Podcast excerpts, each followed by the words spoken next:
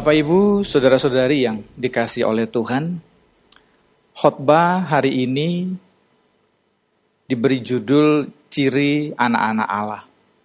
Ya. Kita tahu bahwa uh, orang Kristen pernah dituduh bahwa Allahnya orang Kristen itu kawin, sehingga kemudian bisa punya anak atau beranak. Dalam hal ini ditujukan kepada Tuhan Yesus. Tuduhan tersebut selain konyol, juga bodohnya keterlaluan. Sebab tidak semua kata anak berarti harus dilahirkan akibat hubungan suami istri. Bahkan yang menyerang dengan tuduhan tersebut bahwa Allahnya orang Kristen itu beranak seperti manusia secara jasmani, patut diduga sebagian dilandaskan dengan hati yang jahat, ya atau pikiran yang kotor. Karena tentu saja Allah tidak melahirkan anak seperti cara seorang manusia ya. Dalam konteks perlu hubungan suami istri dan kemudian istrinya yang kemudian melahirkan ya. Nah, istilah anak Allah atau anak tunggal Allah yang menunjuk kepada Tuhan Yesus itu memiliki arti bahwa ia dalam hal ini Tuhan Yesus itu berasal dari Allah. Alkitab mengatakan demikian. Ia datang dari Allah, kata Alkitab. Atau ia keluar berinkarnasi dari Allah. Itu yang Alkitab katakan. Bapak Ibu sekalian, khotbah ini merupakan lanjutan dari khotbah yang saya sampaikan di gereja ini juga kira-kira tiga bulan yang lalu ya, mengenai lahir dari Allah. Pada waktu itu khotbahnya berjudul Natal adalah mengenai kelahiran atau Christmas is about birth yang pada waktu itu saya dasari dari 1 Yohanes pasalnya yang ketiga, ayat yang ke-9. Itu sebabnya saya menyarankan kepada Bapak Ibu Saudara jika ada kesempatan bisa melihat juga khotbah terdahulu ya melalui channel YouTube gereja ini ya, GSKI Pluit. Tentu bukan supaya viewer saya menjadi banyak karena saya bukan seleb, tetapi supaya Bapak Ibu bisa memahami khotbah ini dengan lebih baik karena merupakan sambungan. Di dalam khotbah yang terdahulu sedikit saya ulas, saya menjelaskan mengapa setiap orang Kristen perlu atau harus mengalami lahir dari Allah sebagaimana ditulis dalam 1 Yohanes pasal 3 ayat yang ke-9 atau dilahirkan kembali kalau merujuk kepada Injil Yohanes pasalnya yang ketiga mengenai percakapan Yesus dengan Nikodemus Yesus mengatakan bahwa alasan manusia perlu atau harus dilahirkan kembali, yaitu supaya ia dapat masuk ke dalam kerajaan Allah. Kemudian Nikodemus dalam diskusi tersebut mengatakan kepada Yesus, "Bagaimana caranya, Rabi? Apakah orang tersebut harus masuk lagi ke dalam rahim ibunya?"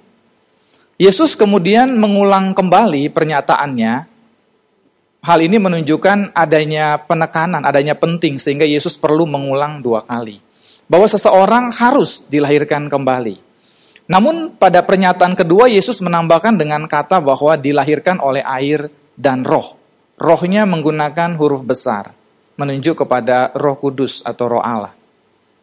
Lalu kemudian Yesus melanjutkan dengan mengatakan bahwa apa yang dilahirkan oleh daging adalah daging dan apa yang dilahirkan oleh roh, dalam kurung saya sebut roh huruf besar ya, roh Allah adalah roh. Tentu saja maksud pernyataan Yesus tidak ada gunanya jika seorang anak dilahirkan dua kali oleh ibu yang sama. Bahkan sepuluh kali pun tidak ada gunanya kalau dilahirkan oleh manusia juga. Begitu kira-kira. Karena sekali lagi apa yang dilahirkan oleh daging adalah daging kata Yesus. Bersifat daging. Dan apa yang dilahirkan oleh roh baru bisa bersifat roh. Di dalam Alkitab uh, ada penjelasan bahwa sesuatu yang sudah najis, cemar, tidak kudus, tidak bisa memproduksi sesuatu yang yang kudus, tidak bisa. Itu sebabnya manusia yang sudah jatuh dalam dosa, ketika dia melahirkan, kata Yesus, tetap daging, tidak bisa berubah. Itu sebabnya dia perlu lahir dari Allah. Gitu kira-kira. Nah, itu merupakan satu-satunya cara, kira-kira begitu, supaya manusia bisa hidup bersama dengan Allah. Dia harus dilahirkan oleh Allah sendiri. Begitu kira-kira maknanya. Jadi manusia selain dia adalah makhluk secara jasmani, dia harus tahu bahwa dia sebetulnya juga adalah makhluk roh.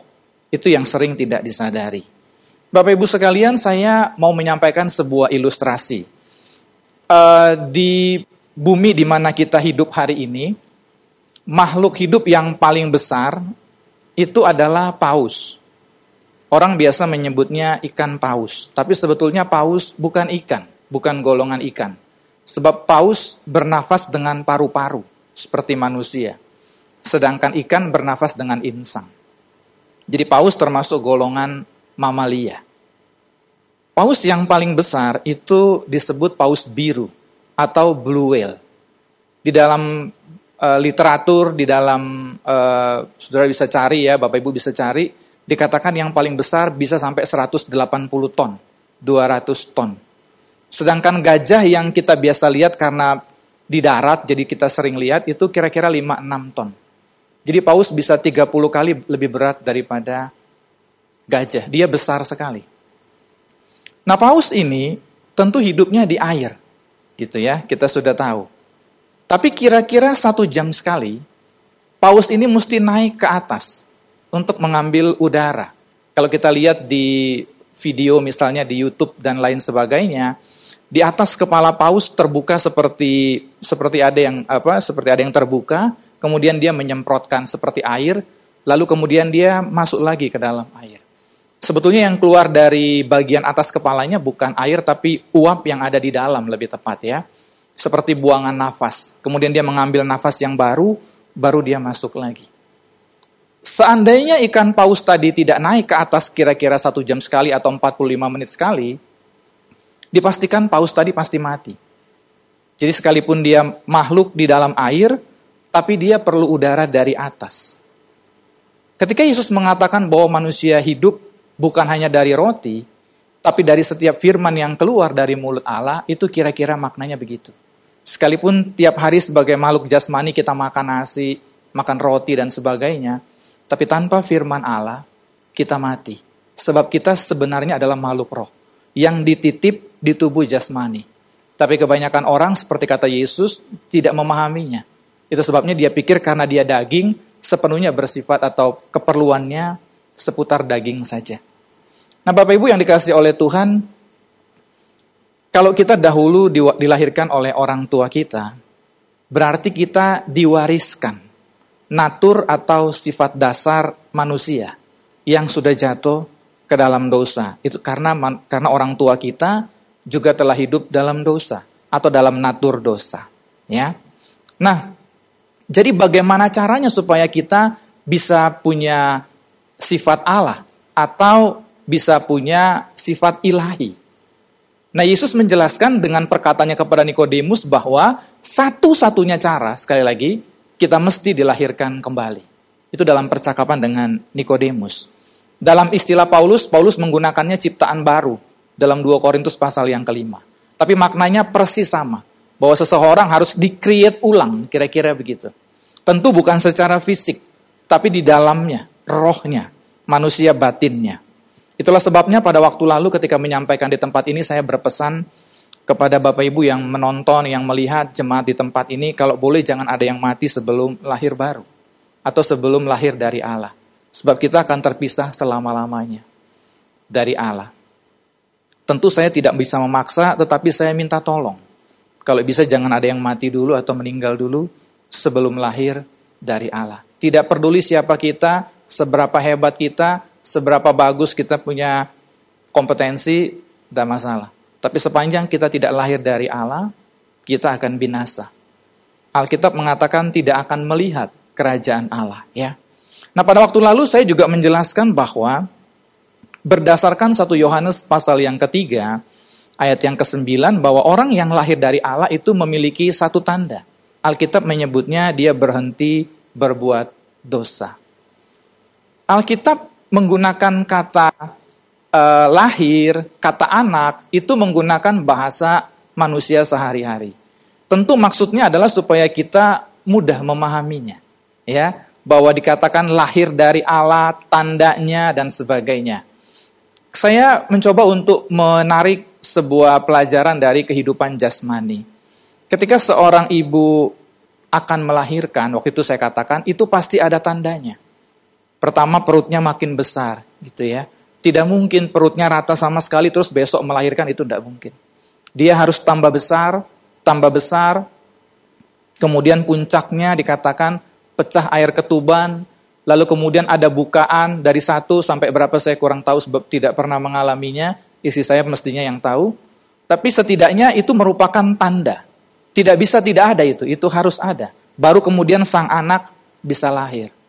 Nah saya waktu itu katakan ketika seseorang akan lahir dari Allah, itu ada tandanya. Nah, Alkitab mengatakan bahwa tandanya hanya satu.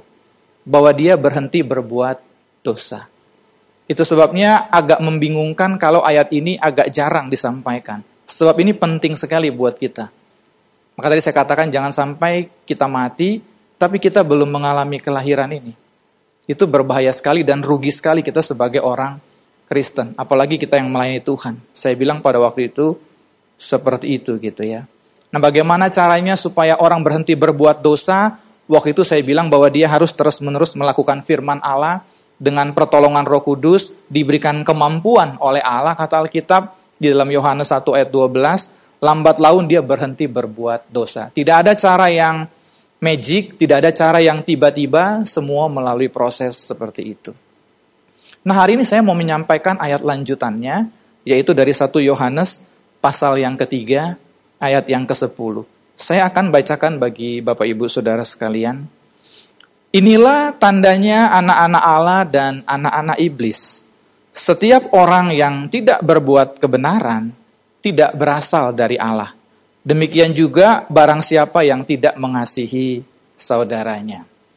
Pertama-tama saya ingin menjelaskan bahwa uh, di dalam banyak ayat Alkitab menjelaskan bahwa kehidupan manusia itu tidak terlalu sukar. Artinya Yesus dan Alkitab membagi manusia selalu dalam dua kelompok.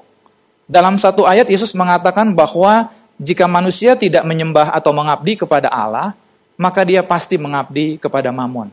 Tidak ada tuan yang lain, hanya ada dua tuan, kata Yesus. Dalam ayat yang lain Yesus pernah mengatakan barang siapa tidak bersama aku, dia melawan aku. Tidak ada posisi yang namanya status quo. Tidak bisa orang mengatakan saya netral. Saya memang bukan pengikut Yesus, tapi saya tidak memusuhi dia. Tidak ada. Sebab kelompok ini hanya dibagi menjadi dua. Dalam ayat yang lain Yesus mengatakan bahwa orang yang baik mengeluarkan barang yang baik dari perbendaharaannya yang baik.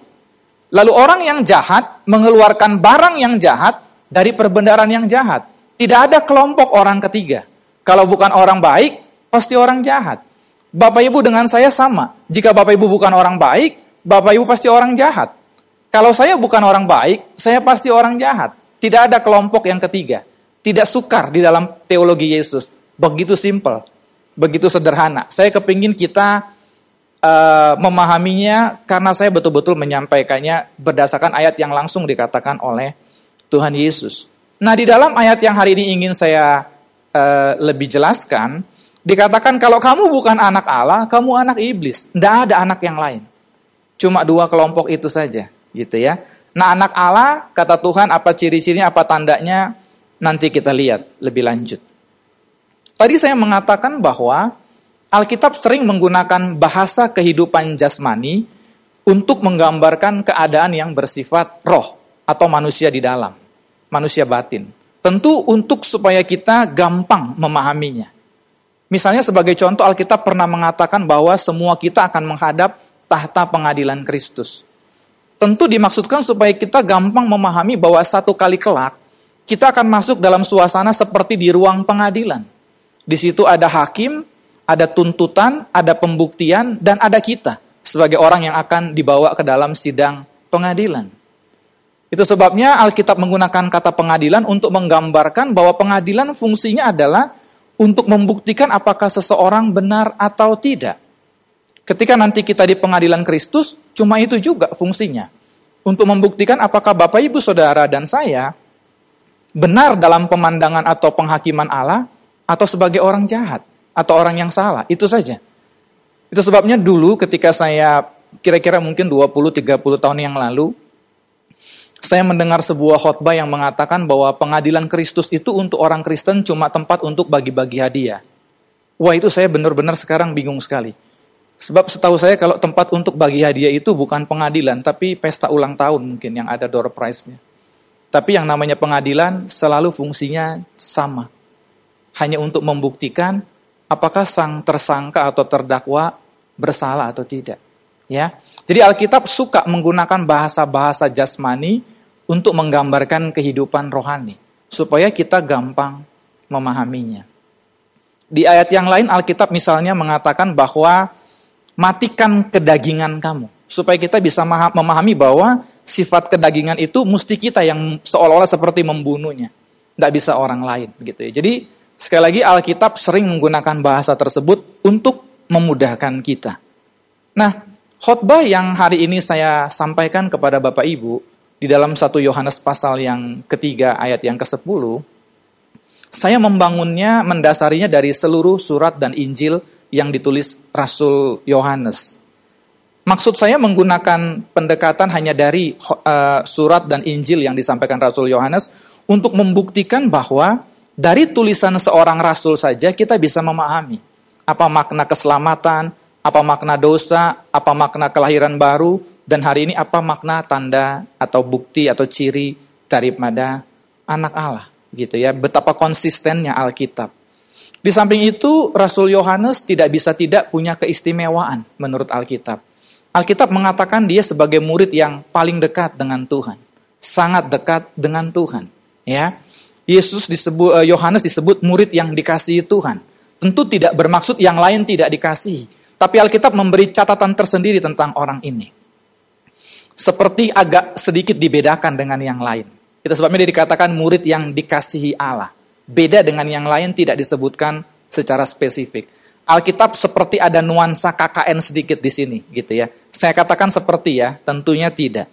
Nah, dengan tidak mengurangi rasa hormat terhadap rasul yang lain seperti Paulus yang menulis begitu banyak surat, tapi Yohanes punya keistimewaan karena dia mendengar langsung dari Tuhan.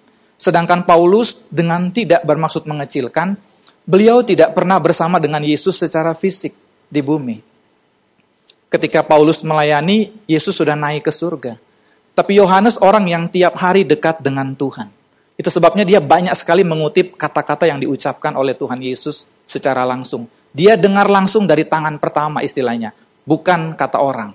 Kita tahu bahwa kalau ada semacam permainan diuji dari orang pertama ngomong ke kedua, ketiga, ke sepuluh, di orang pertama beritanya A, di orang ke sepuluh beritanya bisa Z. Tapi Yohanes mendengar langsung dari mulut Yesus. Lalu kemudian dia menuliskannya. Itu sebabnya dia banyak sekali mengutip kata-kata langsung dari Tuhan Yesus. Orang ini istimewa. Kita bisa belajar banyak dari dia. Sekali lagi dengan tidak mengecilkan rasul-rasul yang lain. Tapi kita perlu memberi perhatian yang yang istimewa atau yang penting juga buat orang ini. Ketika dulu saya kecil, saya tidak bisa mengerti istilah anak Allah, anak dari Bapa di surga, kita adalah anak-anak Allah, itu buat saya sukar. Karena e, ketika kecil mama saya pisah dengan papa saya dan e, itu bahkan ketika saya umur satu tahun.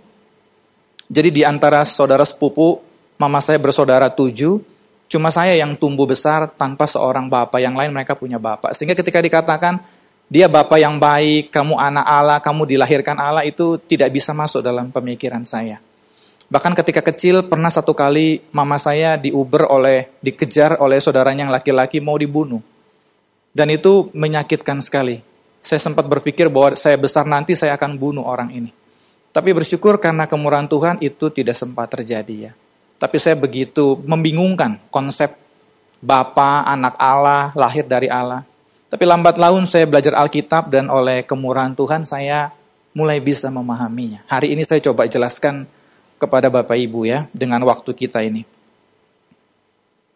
Nah, ketika seseorang punya orang tua melahirkan anak kandung, tadi saya katakan maka dia mewarisi. Ya, baik secara fisik maupun secara sifat. Itu diwarisi dari orang tua. Alkitab bilang demikian. Maka Yesus katakan sekali lagi, yang dilahirkan dari daging itu daging. Jadi tidak bisa enggak. Nah, uh, penjelasan secara biologis mengatakan seorang anak itu mewarisi 23 pasang kromosom. Ini apalagi kalau ada yang masih muda ya, masih sekolah itu lebih paham gitu ya karena fresh baru dengar dari gurunya gitu kan. Jadi punya 23 pasang kromosom, separuh dari bapaknya, separuh dari mamanya.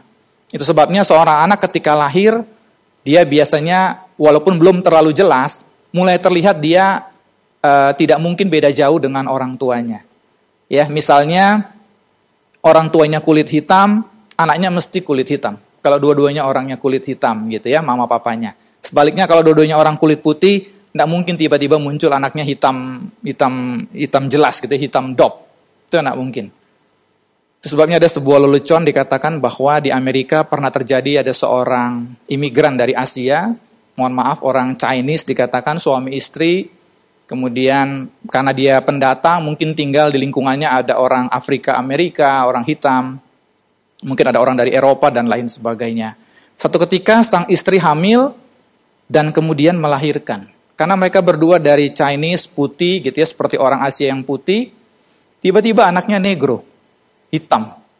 Lalu kemudian uh, oleh orang yang kumpul di ruangan ditanya kepada bapaknya, atau suami dari ibu yang melahirkan, ini anaknya mau dikasih nama siapa? Papanya karena masih diliputi kebingungan, papanya bilang something wrong. Karena dia nama keluarganya nama Wong. Oh, yang dengar bilang, oh dia mau nama anak ini something wrong. Padahal maksud bapaknya something wrong. Cuma karena R dia nggak begitu jelas, dia menyebutnya something wrong. Maksud dia ada yang salah. Nggak mungkin saya putih, istri saya putih, anak saya muncul seperti ini gitu kayak habis dari gorengan, tidak mungkin. Mesti ada yang salah dia bilang. Jadi setiap kita pasti mewarisi dari papa mama kita. Tapi memang waktu masih bayi, kecuali mungkin warna kulit dan model rambut, yang lainnya belum kelihatan miripnya. Ya, kita baru bisa kelihatan mirip dengan orang tua itu ketika anak tadi menjadi semakin besar. Itu sebabnya Yesus mengatakan setelah dilahirkan dari Allah, kemudian anak tadi tumbuh menjadi anak Allah, mulai meranjak besar. Mulai kelihatan ciri-cirinya yang mirip dengan orang tuanya. Begitu ya. Nah, ketika seorang anak dilahirkan oleh seorang ibu, maka sampai mati anak tadi merupakan anak ibu tersebut. Secara biologis bisa dibuktikan bahwa dia anak ibu itu. Itulah sebabnya ketika Allah mengatakan yang lahir dari Allah, maka dia menjadi anak Allah. Yang lahir dari manusia, dia cuma jadi anak manusia. Sebenarnya tadi saya katakan penting sekali kita lahir dari Allah, kira-kira begitu ya. Makanya tidak ada istilah mantan anak Allah. Saya sudah pernah tegaskan mungkin di tempat ini. Ada banyak orang menyebut dia dulu uh, anak Allah atau anak Tuhan, tapi sekarang bukan. Dengan segala hormat itu istilah yang benar-benar keliru karena tidak ada mantan anak Tuhan. Satu kali seseorang dilahirkan oleh Allah, sampai mati dia anak Allah. Sama seperti satu kali seorang ibu melahirkan, sampai mati dia anak ibu tadi. Memang ada kasus di mana ketika di pengadilan seorang anak ribut dengan orang tuanya kemudian tidak mengakui orang tuanya. Tapi itu istilah di pengadilan saja. Tapi secara lahiriah, anak tadi tetap anak ibu tersebut. Secara biologis dia anaknya. Nah satu kali kita dilahirkan oleh Allah, sampai mati kita anak Allah. Tidak bisa tidak. Sebab itu bertentangan dengan e, kebenaran gitu ya. Maka tadi saya katakan ketika memang seorang anak waktu dia baru lahir, dia belum kelihatan, mirip bangetnya dengan papanya belum terlalu kelihatan ya. Tapi makin besar anak tersebut, maka kemiripannya makin terlihat dengan orang tuanya, begitu ya. Makin kelihatan. Makanya ada istilah bahwa uh, the apple doesn't fall far from the tree, ya kan? Buah apel tidak jatuh jauh dari pohonnya. Itu mau bicara anak mesti mirip dengan orang tuanya, begitu Bapak Ibu ya. Nah, Ketika kita membaca ayat tadi yang mengatakan e, inilah tandanya anak-anak Allah, Alkitab lalu bilang begini, setiap orang yang tidak mengasihi dan tidak hidup dalam kebenaran, dia bukan anak Allah. Jadi sekali lagi untuk seseorang tahu bagaimana bagaimana saya tahu setelah saya mengaku lahir baru, saya tumbuh menjadi anak Allah. Rasul Yohanes memberi pelajaran tidak terlalu sukar, bahkan tidak sukar.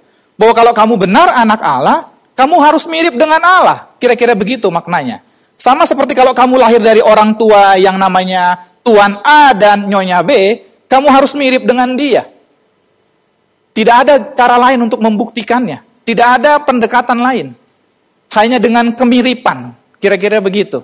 Karena mewarisi sifat tadi ketika dilahirkan. Suami kita, kalau kita mengaku kita dilahirkan oleh Allah atau lahir dari Allah, dilahirkan kembali oleh Allah, jadi anak Allah, cirinya juga sama. Kita mesti mirip dengan Bapak kita. Dalam hal ini Bapak di surga.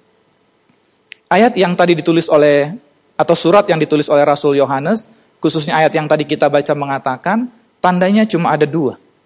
Kemiripan tadi. Dia hidup dalam kebenaran, dan dia mengasihi saudaranya. Nah hari ini saya mau mau menjelaskan hanya mengenai uh, di bagian akhir ini mengenai bagaimana yang disebut dengan mengasihi saudara. Ya, jadi satu bagian dulu bagaimana yang dimaksud dengan mengasihi saudara. Kata mengasihi menggunakan kata Yunani agapao. Ya, saya coba jelaskan secara agak cepat ya.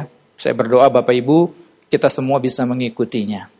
Yang pertama, agapao itu berarti tindakan yang didasarkan kebenaran. Jadi, mengasihi adalah sebuah tindakan yang didasarkan kepada kebenaran. Mengasihi itu bukan sekedar di mulut, kira-kira begitu ya, tetapi melalui perbuatan.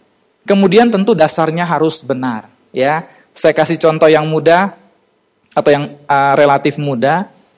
Misalnya ada orang uh, korupsi, kemudian hasilnya diberikan kepada gereja atau diberikan kepada orang miskin, maka itu bukan tindakan kasih. Sebab memang dasarnya bukan kebenaran. Sedangkan yang disebut tindakan kasih, dia harus punya dasar kebenaran.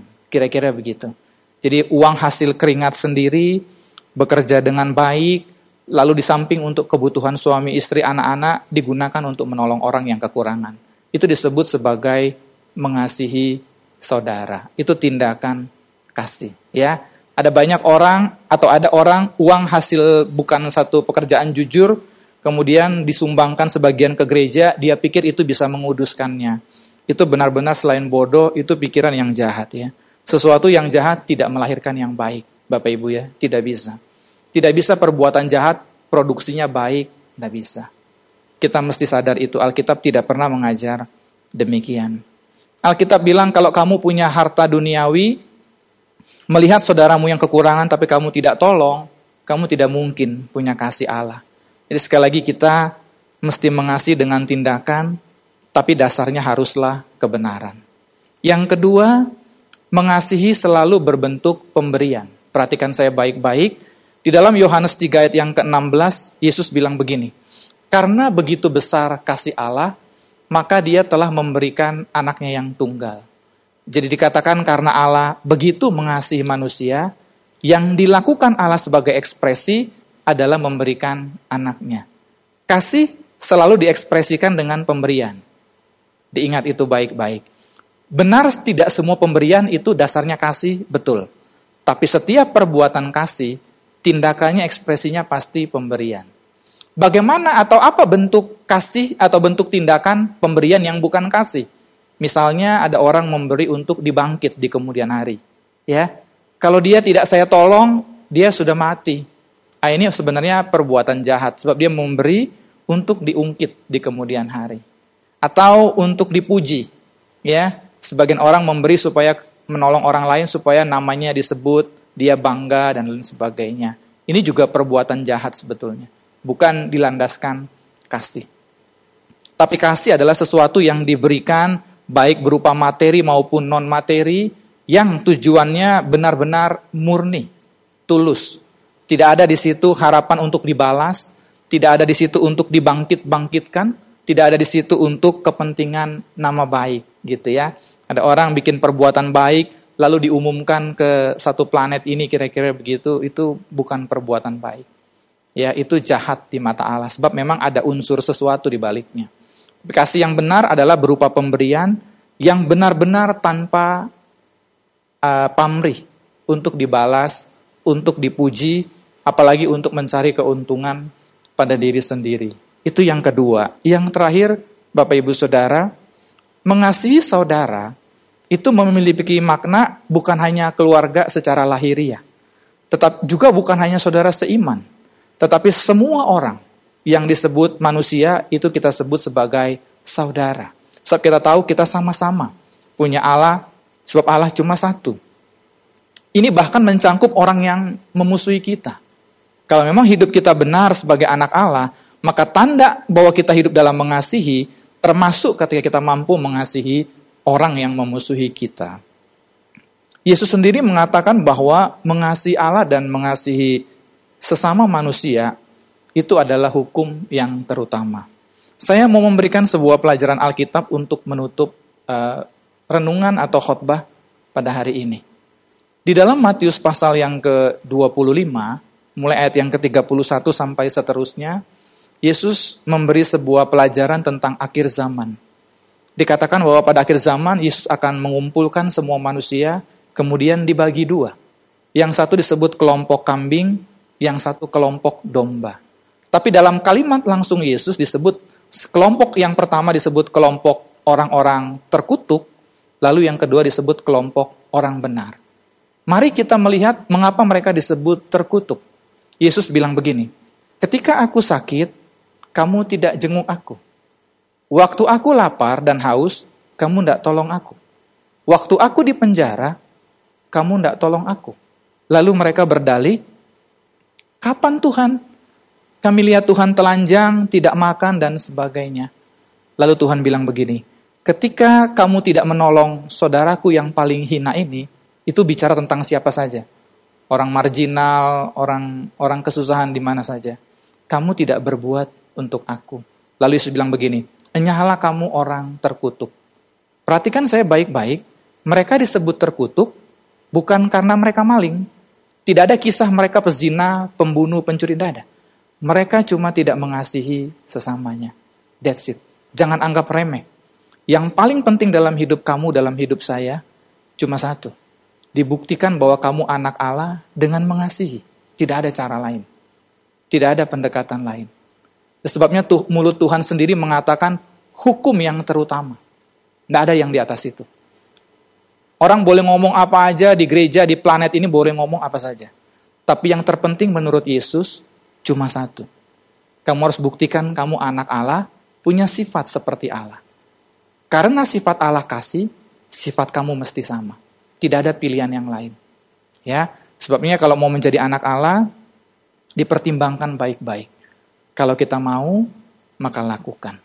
Saya mengajak kita untuk benar-benar mempertimbangkan supaya jangan sampai kekristenan kita menjadi sia-sia. Anak Allah bukan mereka yang paling banyak cerita tentang Allah, bukan yang paling pintar khotbah tentang Allah, tapi mereka yang hidup dalam kebenaran, yang mengasihi sesamanya. Amin. Bagi Bapak, Ibu, Saudara-saudari yang terpanggil untuk mendukung pelayanan GSKI Pluit, dapat memberikan persembahan ke rekening BCA KCU Pluit dengan nomor 1686533388. Sekali lagi, 1686533388 atas nama GSKI Pluit. Terima kasih atas dukungan persembahan saudara. Tuhan Yesus memberkati.